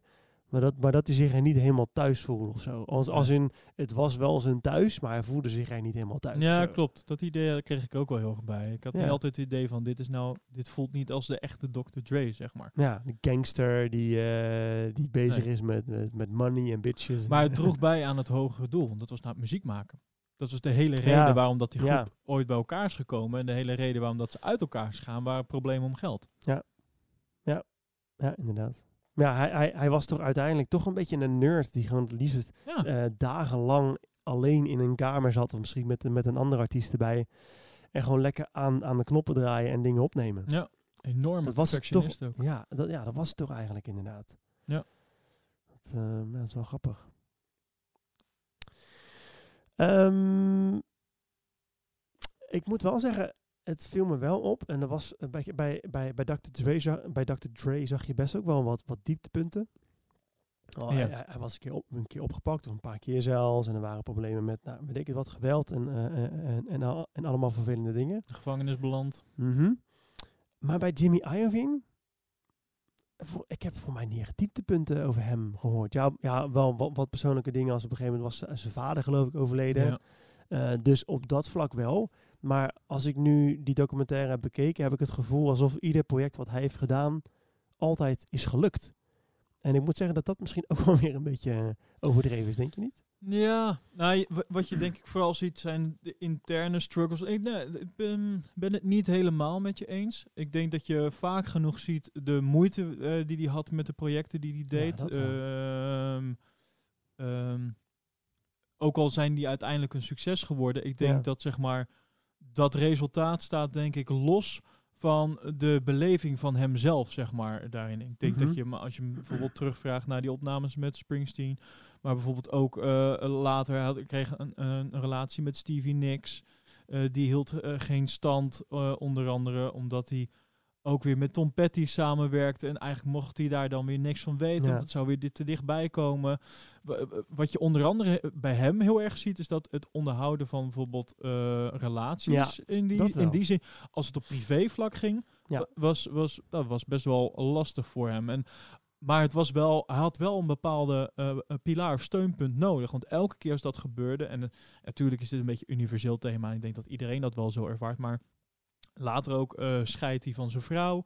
Ehm, en dan, dan komt hij telkens in een punt waarin hij echt het gevoel heeft alsof hij ja, radeloos is. Hij weet niet meer wat hij moet doen, zeg maar. Dat zijn voor hem wel echt dieptepunten. zijn natuurlijk niet te vergelijken ehm, met de, de dingen die bijvoorbeeld Dre heeft meegemaakt. En die zijn in die zin ook wat gewelddadiger. En komt uit een andere, vanuit Ja. een andere achtergrond, met een omgeving die anders is.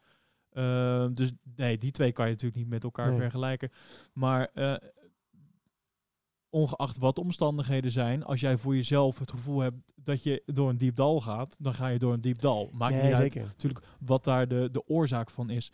En het, dat komt toch wel eh, een aantal keer terug. Eh, en, en daarin zie je wel hoe belangrijk het is.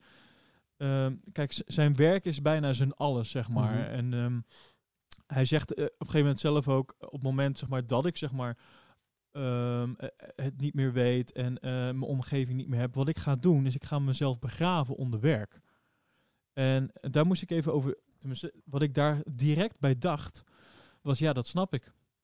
Want dat is je enige zekerheid in je leven. Ja. Dit, dit, dit, als je dit even heel ver gaat doortrekken, dit, dit doet denken aan Tony Robbins en Six Human Needs. Dit is certainty. Dit, Ja. is, dit is zeg maar, dit is waar hij zich zeker voelt. Dit is wat hij weet, dit kan ik.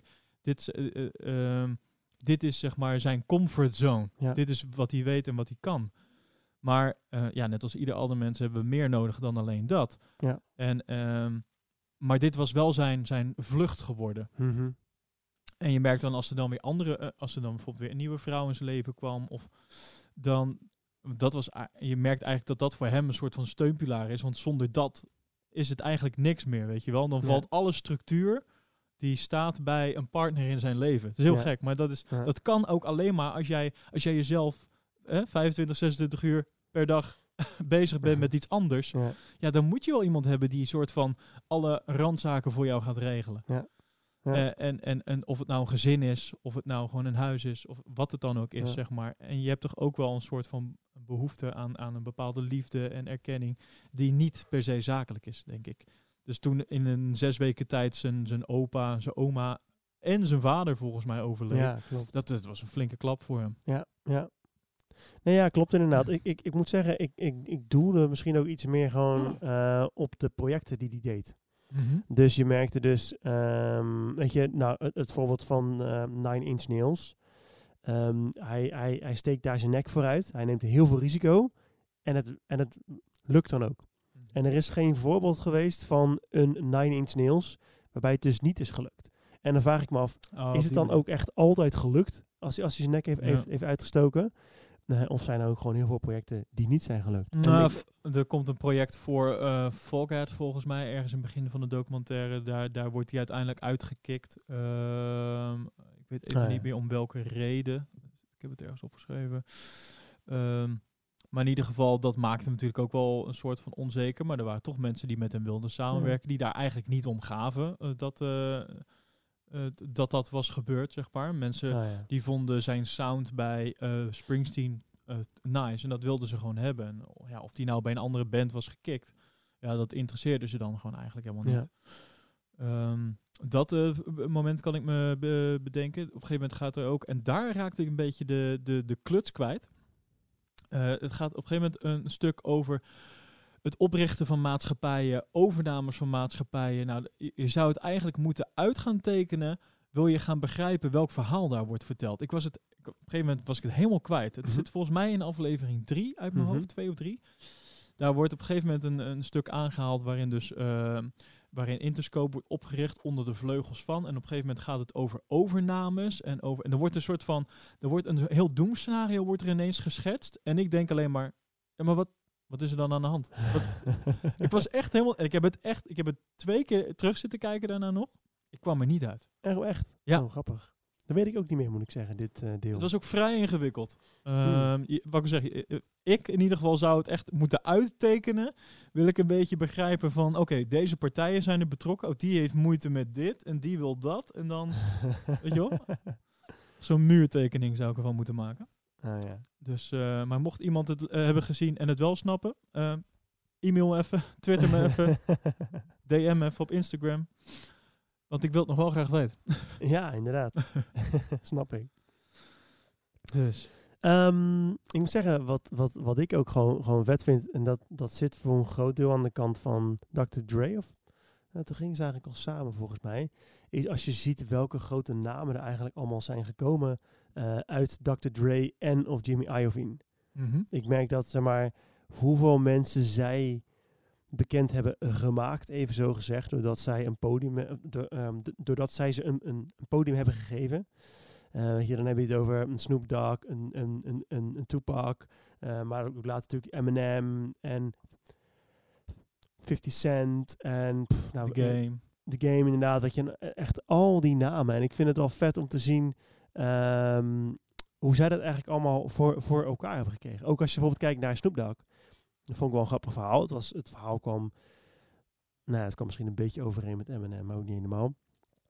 Was eigenlijk dat voor mij was Dre eh, op een feestje. Of in ieder geval, in ieder geval eh, een, een van zijn vrienden. Ehm, en daar werd dus een tapeje af, afgespeeld van Snoop Dogg. Mijn vrijgezellenfeest was dat. Ja, inderdaad, ja. En zij kende die vent eigenlijk een beetje als de, de drugsdealer van, eh, van de wijk, zeg maar, volgens mij. Dat was een beetje Ja. ja. lowlife. eh, Hij kende Snoop wel, maar, wat, maar meer als drugsdealer als dan als drugsdealer zeg inderdaad. maar. En ze hoorden dus dat tapeje en ze dachten, huh, is dit Snoop? Oké, dit is wel echt een soort van eh, diamond in the rough, zeg maar. Ja. En dat ze dan gewoon zeggen van, goh, laten we gewoon een plaat gaan maken. En dat het dan ook gewoon direct lukt. ja, ze belde Zo. Snoop en Snoop die ging op. Zeg ja, fuck, Ja, je bent geen niet Dre, flikker op, doei. Ja, want toen was Dre natuurlijk al heel populair. Ja, toen was klopt, natuurlijk- En NWA, dat was alweer klaar zelfs volgens mij. Dus dat was... eh, dus ja, dat is wel... eh, En toen hij daar dus mee ging werken, toen ontstond het, het idee voor hem om voor het eerst een soloalbum te gaan maken. ja. Dat is zeg maar de Chronic uiteindelijk geworden. Ja. Dus samen met eh, Snoop Oh ja. Dogg, Warren G en DOC. Ja. Die later een, een ongeluk krijgt. Het komt ook nog voor Ja. in de documentaire. En die nu heel anders praat daardoor. ja. Ehm, maar in ieder geval, eh, dat is het ontstaan van, eh, van de Chronic geworden. Ja, en, en dat is, is uiteindelijk ook dat de reden. verhaal ook trouwens, sorry, ik onderbreek je. Ja. Hoe bedoel je dat verhaal? Nou, hoe ze bij die naam zijn gekomen. Eh, sowieso, de bijdrage van Snoop Dogg in deze documentaire vind ik echt hilarisch. Ja, ja, ik vind die ja, man zo grappig. Geweldig. Dat is echt fantastisch. Hetzelfde als... ehm, je hebt eh, op YouTube heb je toch die series dat hij aan het gaat koken met zo'n eh, Amerikaanse oh, oh, dat weet ik niet. Amerikaanse kookshow. Ja, ja, Ja. dat is fantastisch. Ik weet even niet hoe zij heet. Ehm kookshow Snoop Dogg. Ga je dat eens even opzoeken. Ik zal het wel even in de show notes plaatsen. Super grappig. Dus een bekende Amerikaanse eh, kok, een vrouw in de, weet ik veel, in de 50 of zo. En dan, dan is hij zeg maar zijn de, de sidekick. Ja, dat is. Oh ja, Martha Stewart. Ja, natuurlijk, is een hele be- bekende. Ja, Martha Stewart en, en Snoop Dogg, die hebben dus een, eh, een kookprogramma. En er komt ook altijd een, ehm, ehm, een gast mee om te kopen. Vaak uit de kringen van Snoop Dogg. Ja. Weet je wel, komt DJ Khaled of zo, komt dan mee koken. Maar de, de, de opmerkingen die hij maakt, het is fantastisch. Het is geniaal. Die moet, ik ga hem eventjes in de, in de show notes zetten. Top. Wil je echt even een avondje lachen, dan moet je dat kijken. Het is fantastisch. Maar in ieder geval, die man is gewoon heel droog en heeft een bepaalde Ja. vorm van humor. Die Ja. gewoon heel, ja, heel grappig is, weet je wel. Ah, ik heb, bij hem heb je altijd het idee, en trouwens waarschijnlijk is het ook zo, dat hij stoned is. Ja. Weet je wel? Ja, ja, klopt. is ook zo volgens mij inderdaad. Het is fantastisch. Maar ook zijn bijdragers vond ik dus allemaal. Op een gegeven moment eh, over de naam The Chronic ging het dan. Hoe, eh, hij zei van er was eh, een of andere blanke gast en die had een of andere apparaat en dat heette dan de, de Hydrophonic. Man, it's the Hydrophonic. En die gasten zaten natuurlijk allemaal lekker te blowen en zo. En dat werd een soort van running gag, dat Hydrophonic. En op een gegeven moment verbasterde dat woord naarmate de blootjes verder gingen. Ah, the Chronic, the Chronic. Oh man, you should name your album The Chronic, weet je wel. en op dat, eh ehm, hoe heet dat? Eh, Snoop Dogg die had op dat moment ook een, een pet op met een witte pet met een groen wietblad erop, die we uiteindelijk later ook nog terug zullen zien op eh The Chronic 2001. eh, het zwarte album met het grote wietblad erop, zeg maar. Dat soort dingen, super grappig. Maar hoe hij dat Ja. dan vertelt, vind ik Ja. geniaal. Ja, klopt. Hij is wel echt heel grappig. En ik denk, ik heb zelf het gevoel dat hij komt best wel een beetje ehm, misschien dommig over, of misschien, misschien Ik suffig. snap wat je bedoelt. Maar ik denk Mm. dat hij echt heel slim is. Ja, dat denk ik ook wel, ja. Hij bloot misschien een beetje te veel om het goed eruit te laten komen. soms, Lekker maar man. Ik, ja, ik weet niet. Ik heb echt het gevoel alsof hij wel, wel echt, echt een slimme jongen is. Ja, dat, klopt. Dat ben ik helemaal met je eens. Weet je dat? Maar, maar dan merk je ook, ja, dat is dan misschien als je, als je het niet hebt gezien, eh, eh, een beetje veel eh, detail om, om, om, om het zo te zeggen. Maar ze waren op een gegeven moment in New York voor een of andere uitreiking of een, ik geloof een, een, een awardshow. En dan gingen ze optreden en dat was helemaal te gek. Maar toen zei je op een gegeven moment, voor mij, ik weet niet hoe je zijn naam uitspreekt, Soek of zo? Soek Knight. Soek, zo- ja. Soek, Soek. Die zei iets raars volgens mij, waardoor zeg maar, het hele publiek eh, een of boos werd. manager zei. Ja, inderdaad, de manager. En volgens mij uh, uiteindelijk toch ook eh, partner van, van Jimmy Iovine bij Death Row. Die, Bij Death eh, Row, volgens mij wel. Nou, anyway, daar gaat het nu even niet om. Ehm, en die begint daar dus ruzie te maken. En uiteindelijk zie je dus dat Snoop Dogg een soort van het overneemt. En ervoor zorgt dat die ruzie toch een beetje wordt gesust. En dan denk ik van ja, hij ziet er, hij ziet er toch een beetje uit als zo'n ehm, ja, straatjochie of zo. Maar hij, hij, hij, hij kan dan toch ook inzien van shit, dit gaat niet helemaal goed. nee. Dit moet ik even op de juiste manier oplossen. ja. En dat, dat, dat getuigt wel van inzicht, vind ik, en intelligentie. ja, de situatie die je beschrijft zijn eigenlijk een beetje de spanningen tussen East en West. Ja, Eh, inderdaad. ja, Oostkust was een opkomst met de muziek. Westkust was een beetje aan het wegzakken. En op een gegeven moment kwam er een soort beef tussen twee platenlabels. Eentje die de rappers uit de Westkust eh, vertegenwoordigde. En eentje die eh, de Oostkust vertegenwoordigde. En bij een bepaalde awarduitreiking Ja. in New York, notabene, ehm, ja, eh, liep dat, liepen die spanningen best wel hoog op, ja. ja. En wat je zegt, de- degene die dat nog een soort van, nou ja, niet wisten sussen, maar de, de, de, de reden dat ze zeg maar nog naar buiten konden lopen zonder dat ze een kogel door hun hoofd kregen, zeg maar, dat was de opmerking die Snoep daarover Ja, maakte, zeg ja, maar. ja. Ja, je zou het niet verwachten. Nee, inderdaad, inderdaad. Eh jeetje, we zijn al bijna een uur verder, man. Ik, Ja. eh, ik wil nog wel wat, eh, ik zie het hier ook staan in mijn in mijn aantekening. Fantastische anekdotes van Snoop Dogg, uitroepteken. Oh ja, dit. Nou, deze wil ik even, dit wil ik wel met je delen. op een gegeven moment ehm, wilde Jimmy, die zei van, ik, ik, wil, je- ik wil jullie op de cover van de Rolling Stone hebben. oh ja. Is fantastisch. Weet je, jullie zijn net, net Mick en Keith. Eh, eh, dus de, de, de, zanger en gitarist van de Rolling Stone. en Snoop die zegt, who the fuck are Mick and Keith, man? I want to be on the cover of the Source. I can name any song of the Rolling Stones. Je moet het zien, ik kan hem niet nadoen. Maar dit is hilarisch. Ja, het is zo Gewoon grappig. zo wereldvreemd ook op een bepaalde manier. Ja. Zo, zo mooi. ja, het is grappig, maar, maar tegelijkertijd, want het was het, het, het idee van Jimmy, toch? Om, om een, op dat blad Ja, eh, te ja, ja. En dat was juist weer heel Ja, goed voor want- ze. Ja, want daar zag je dus, dus in één keer dat de, de brug werd geslagen tussen zwart en blank, zeg Ja. maar, in, in, in, termen van die tijd. En dat zij dus ook in één keer door blanke, men, men- ehm, door blanke mensen werden aangesproken van, hey, echt gekke muziek, ik hou echt, echt van je muziek, je bent echt gek. Dat is die Snoop Dogg ook zegt, wow man, dit is gewoon, gewoon voor de eerste keer in mijn leven dat zoveel blanke mensen mij een compliment hebben gegeven. Ja. Bedankt Jimmy dat je, dat je ons op het blad hebt gezet. maar van tevoren denkt hij, wat de fuck is dat voor blad? Ik wil helemaal niet, dat, Ja, ja, dat hoort helemaal niet bij mijn scene. Ja, daar zie je dan weer het inzicht van Jimmy. Dat hij ziet, oké, maar hier kunnen we een brug gaan slaan. Klopt, ja. Eh, Dus best wel, het komt veel eh, voor, voor natuurlijk de, de situatie van eh, eh, eh, zwarte Amerika, minderheden, al dat soort dingen. Wordt, komt best wel voor in de, Ja. Maar het, en wat ik dan heel bijzonder vond, was het punt dat Eminem onder de vleugels van Dr. Dre kwam. En eh, ehm, hij met hem wilde samenwerken. En vervolgens iedereen in zijn omgeving zei, van de, de omgeving van Dr. Ja. Dre, zei... Maar gast, dat moet je niet doen. Waarom ga je samenwerken met een blanke gast? Ja. Dat iemand zei, die hield een poster van Eminem van... Deze gast heeft blauwe ogen. Wat, wat, Ja. wat ben je aan het doen? Mooi hè? En, was, en M is natuurlijk in die zin best wel de, de vreemde eend in de bijt wat dat betreft eh, eh, ja. binnen die scene. Maar daarmee ook weer een, wel een, een, een brug, een Ja. brug geslagen tussen...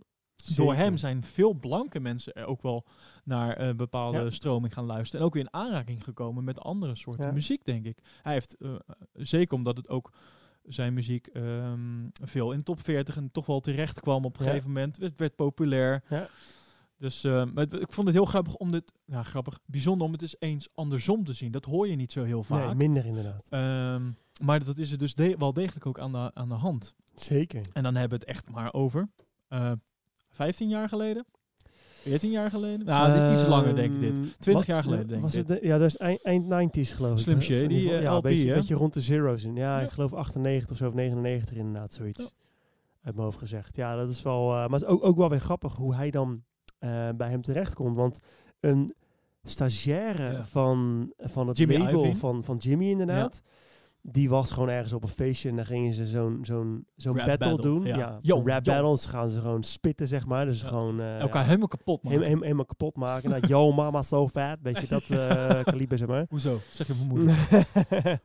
en ehm, daar zag hij dus Eminem, zeg maar, ook optreden. En hij zei van, ja, ik heb nou echt, echt een gast eh, gezien. Eh daar moet je echt even naar luisteren. En toen zei hij, nou, oké, is goed. Geef mij dan een bandje. Maar wat was het nou? Jimmy, die had dozen vol met Ja. En toen op een gegeven moment, toen, toen was ehm, Dr. Dre, die had net een album, een album uitgebracht, was helemaal geflopt. Twee Dus ja, zelfs. Oh, twee zelfs inderdaad. Dus ja, ze zaten aardig aan de grond. Ja, wat nu? Dus toen dachten ze, nou weet je wat, we gaan wat, wat, wat luistersessies doen. En toen gingen ze dus die dozen erbij pakken met bandjes. En toen kwamen ze dus op een gegeven moment bij het bandje van Eminem. En Ja. toen dachten ze echt van, wat de fuck is dit? Wie is deze gast? Dit, dit Ja. is zoiets aparts. Ja, toen zijn ze gaan samenwerken. En ja. Mooie quote van Jimmy daarbij. Great can come from anywhere. Ja, ja, dat was ook inderdaad, dat, dat, dat sluit heel mooi aan op jouw verhaal inderdaad over dat ze dus een blanke man zagen die in één keer rapte. Wat is dit, Ja. is raar. Dat kan echt van alle kanten komen inderdaad, ja. Ja. Dat en, en, eh, wat ook hier weer eh, duidelijk eh, naar voren kwam, op een gegeven moment wordt M gevraagd naar wat, wat wilde hij, zeg maar, hoe, waarom is hij dit gaan, gaan doen, MC noemen ze dat dan volgens Ja. mij meer. En toen zei hij ook, wat je, geld verdienen met doen wat ik leuk vind, dat was mijn doel, zeg Ja. maar. Ehm, en ook daar hoor je, hoor je dus weer duidelijk, iemand heeft een specifiek doel. Ja. Dit is wat ik leuk vind, Ja. hier wil ik mijn geld mee verdienen. Ja. Hij had niet het doel om rijk te worden, hij had niet het doel om eh, eh, bekend te worden, maar hij wilde maar één ding en dat is geld verdienen met doen wat ik leuk vind. En dit is wat ik leuk vind. Zeg maar. En hoe je daar dan komt, maar hij wist dat hij dit wilde doen. Hij ging ook het hele land, ging hij, eh, heel Amerika ging hij af om al, om allemaal bij dat soort battles, rap battles en dingen aanwezig Ja. te zijn, zeg maar, om maar zijn naam te vestigen, Ja. om maar bekender te worden, zodat ja, uiteindelijk daar hij zijn brood mee kon gaan verdienen. Ja. Ja. Ja. ja. dat is heel tof. Heel tof inderdaad, ja. En op een gegeven moment zit hij dan dus in de studio bij, ehm, ehm, bij Dre. Het is wel mooi. De, ehm, Dre die laat een beat horen. Dat is de, de beat die uiteindelijk de... Hi, my name, ja, my name is Hi, my name is... Slim Shady. nou, die plaat in ieder geval. Ehm, hij liet die beat horen en binnen no time was, was dus... En die was daarop aan het rappen. Ha, my name is... What? My name is... En Dre die dacht, wat, wat gebeurt hier? Weet je wel? Dus in de eerste dag, de eerste tien minuten in de studio, werd die, werd die plaat al geboren, zeg Ja, maar. Dat is ja, een- ja, ja. en eh, Eminem die zegt daar vervolgens over.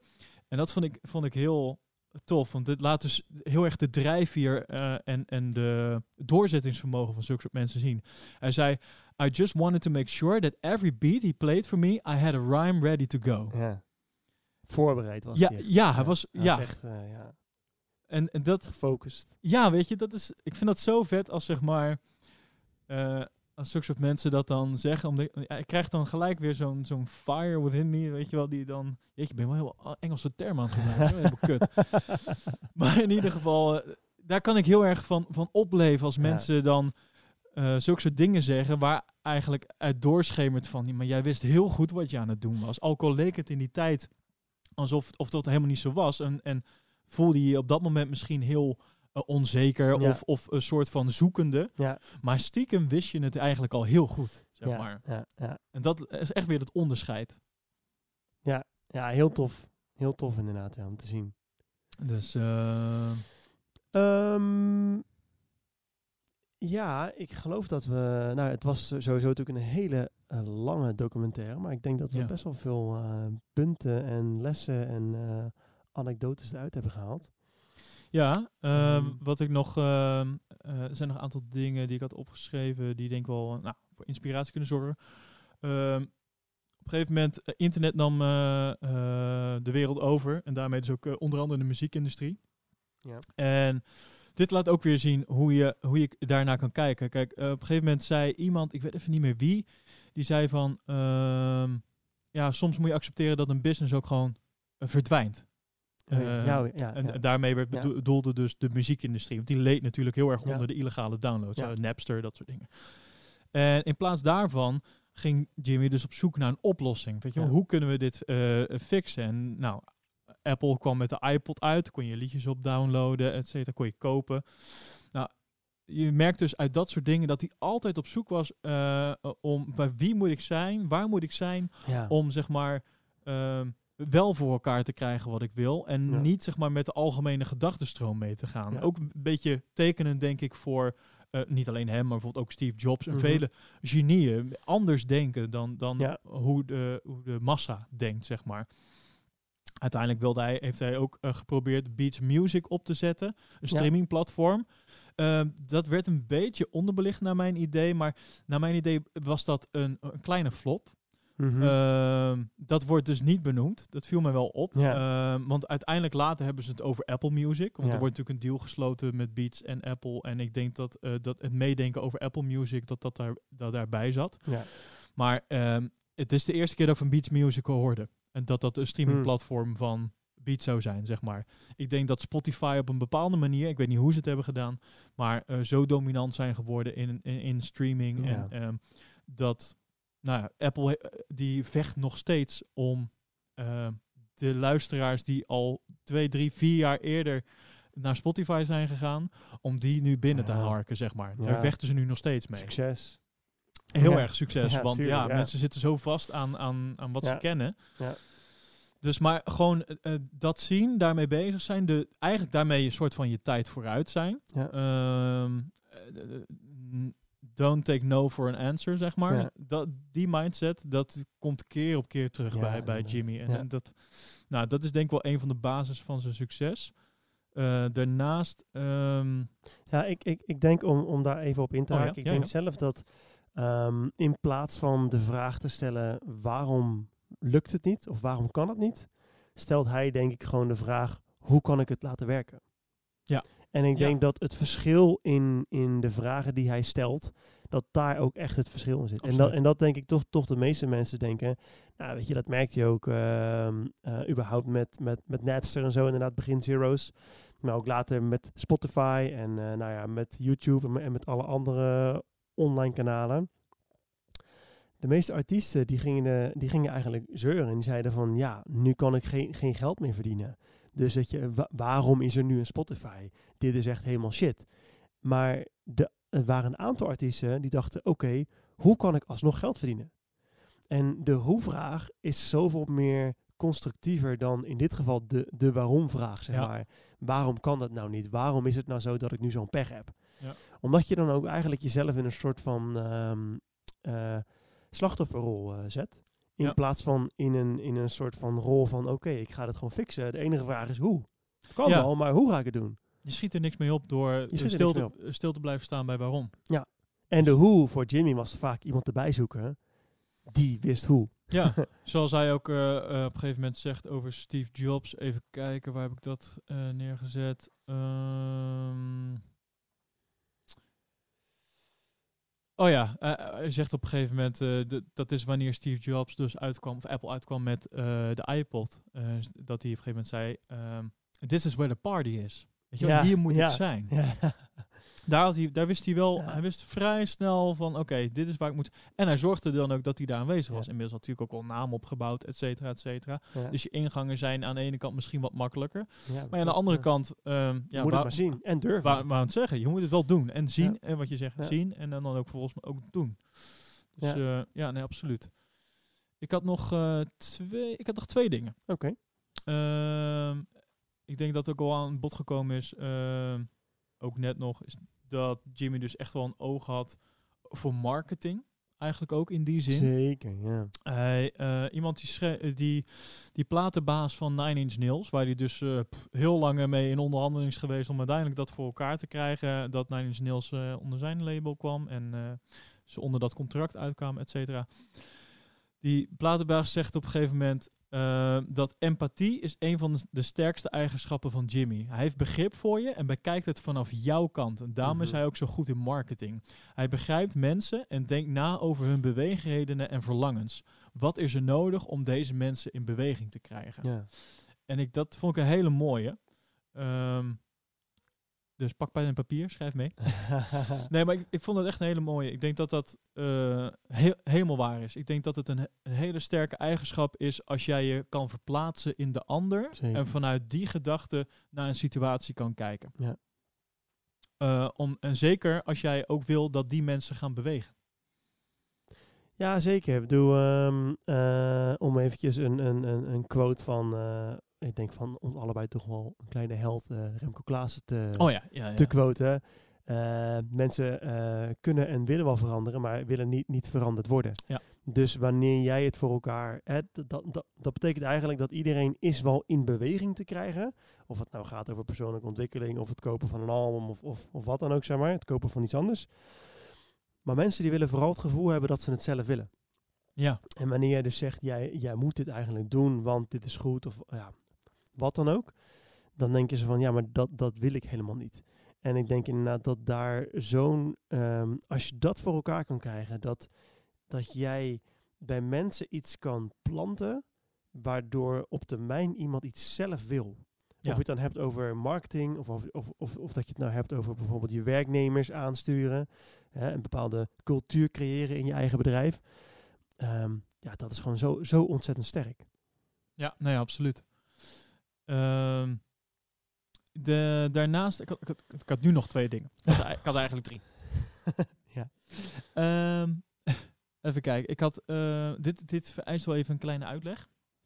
Ehm, er is een moment, we hadden het net over dat eh Dr. Dre ook in de gevangenis eh, heeft gezeten. Of in ieder geval ook een proces onder andere aan zijn boek heeft gehad. En een van die dingen had te maken met het feit dat hij een presentatrice van een muziekprogramma heeft eh, mishandeld eh, Mhm. op een bepaalde plek. Ehm, de lang verhaal kort.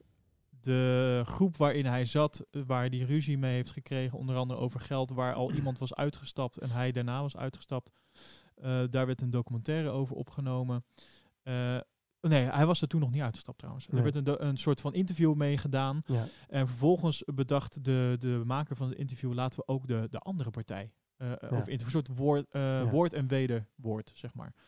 En ehm, hij was zo pissig over de, de, de uitzending daarvan. Maar eigenlijk was hij volgens mij veel meer pissig over de situatie op Ja, zich en alles. tuurlijk.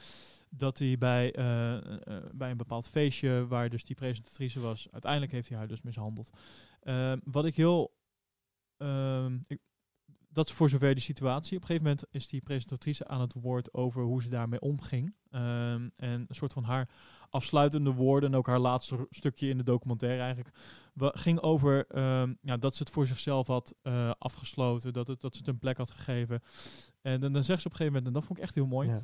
Forgiveness isn't about the other, it's about you. Because what are you gonna do with all that anger? ja. Prachtig, Dat vond ik een hele mooie Ja. quote. En ik denk dat die heel waardevol kan zijn voor, voor, voor, voor mensen. Eh, en, en, en dat is wat ik heel tof vind, bijvoorbeeld aan, aan deze documentaires. Dat het gaat niet alleen over Nee. muziek. Dit gaat over zoveel meer. En, eh, alleen moet je het wel zien. Ja, inderdaad, inderdaad. En, en, en ik vond, ik, ehm, ik voelde al een beetje dat je daarheen ging werken, want ehm, die, die uitspraak die heeft mij ook echt, echt geraakt, zeg maar. Eh, en het is ook gewoon zo. Je merkt inderdaad dat wanneer iemand eh, eh, iets heeft meegemaakt met een andere persoon, die ander heeft zeg maar iets aangedaan, ehm, is dat, dat diegene dan zegt, ja, ik kan diegene echt, echt niet vergeven. En dat komt inderdaad omdat ik denk dat mensen mm, bij vergeven denken aan, oké, het is niet gebeurd, het is allemaal wel goed, het is oké, het is niet erg wat je Ja. hebt gedaan. Maar dat is niet waar het, gaat, of, waar het om gaat bij vergeven. Het gaat er gewoon om dat je het eigenlijk achter je laat.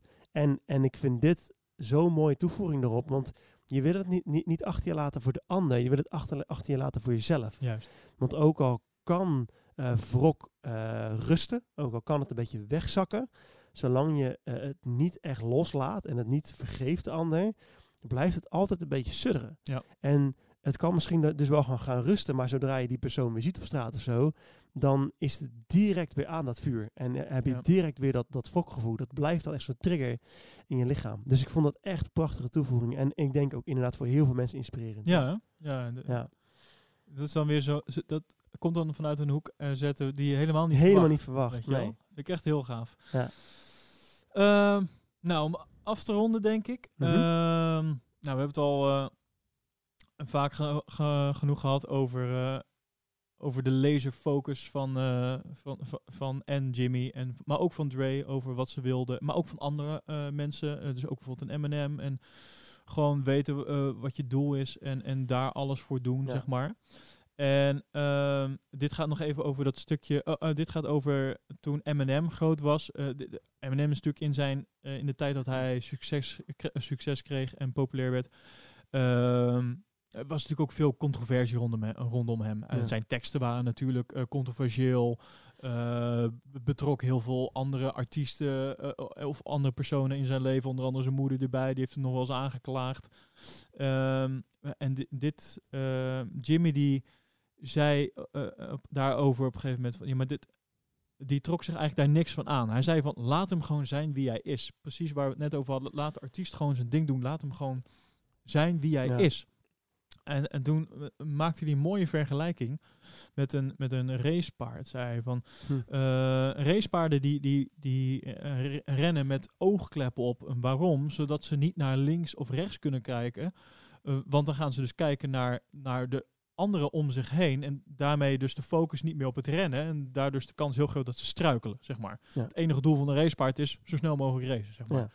Ja. En hij zegt er ook, daar dan ook bij, als je iets najaagt, moet je niet om je heen kijken. Dus je moet je niet laten beïnvloeden door, door je omgeving of wat iemand daar ook van vindt. Ja. En dat vond ik ook een hele sterke. Ik denk dat dat, ehm, ehm, ja, dat, dat ook eh, een, een factor is die, die succes bepaalt, zeg maar. En, Ja, zeker. Zeker, ik denk ook gewoon geen compromis sluiten. Nee. Gewoon niet, niet in, inboeten op hetgeen wat jij, wat jij wil, ehm, wil bereiken. En dat is wel wat je heel veel ziet, weet je. Ook bijvoorbeeld met het- album The, The Chronic van Dre. Ja, niemand die wilde het. Echt niemand die wilde het hebben. En dat was ook een beetje, eh, omdat hij was natuurlijk ook net in, in het nieuws geweest met de gevangenis en Ja. met, met, met NWA. Ehm, ma- maar toch ging hij door. Omdat hij dacht, ja maar, ja, maar ik wil dit gewoon. Dus, dus er kunnen nog zoveel mensen nee zeggen. En, en ja, het is een beetje het bekende verhaal wat je heel vaak hoort. Heel vaak van die succesverhalen die je ook op andere platforms hoort. En van andere mensen hoort van ja, ik heb zoveel nee's gekregen, maar die laatste was een ja en toen ging het lukken. Dus het wordt misschien bijna een, een, een cliché, maar ja, het is ook gewoon een cliché met een reden, zeg maar. Het is gewoon de waarheid. daarom is het ook een cliché. Daarom is het ook, ook een cliché. En het is wel grappig, want er zit denk ik wel wat grijs gebied. Want stel je voor dat je gewoon echt iets, iets fluts maakt, en dan kun je het over hebben wat dan flut is. Maar stel je voor dat ik nog nooit muziek heb gemaakt en ik ga eens een keertje met, eh, met, met een simpel apparaatje van een paar tientjes iets maken en het is echt flut. Nogmaals, je kan het erover hebben of dat flut is. Maar in vergelijking met al het andere eh, kraakt het en weet ik het wat, zeg maar dan kun je wel doorzetten. Maar ja, dan kun je ook afvragen of dat het dan wel zin heeft. Ik besef me nu al dat ik iets heel gevaarlijks zeg. Maar, maar als in... Mijn punt is zeg maar, als je niet echt, echt, echt laser-focused bent en, en je doet maar iets, dus je hebt niet bijvoorbeeld je, je hele ziel en zaligheid erin gegooid, dan moet je je afvragen of dat, of dat de kosten van, van die route eh, eh, het, het wel waard zijn. Ja. Want het gaat je wel, het kan je veel kosten als je die route opgaat. En als je dan dus denkt, oh, ik vind het ook wel eens leuk om een keer een plaatje te maken. En je gaat vervolgens wel die hele route afleggen. Ja, dan kun je je afvragen of, of dat, dat het waard is. Ik, eh, correct me if I'm wrong, maar ik denk dat je probeert te zeggen dat je realisme niet uit het oog moet verliezen.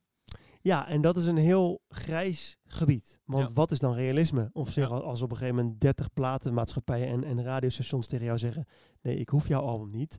Kun je dan zeggen: Nou, ik ben nu even realistisch. De 31ste die zal dan ook wel nee zeggen. Ja.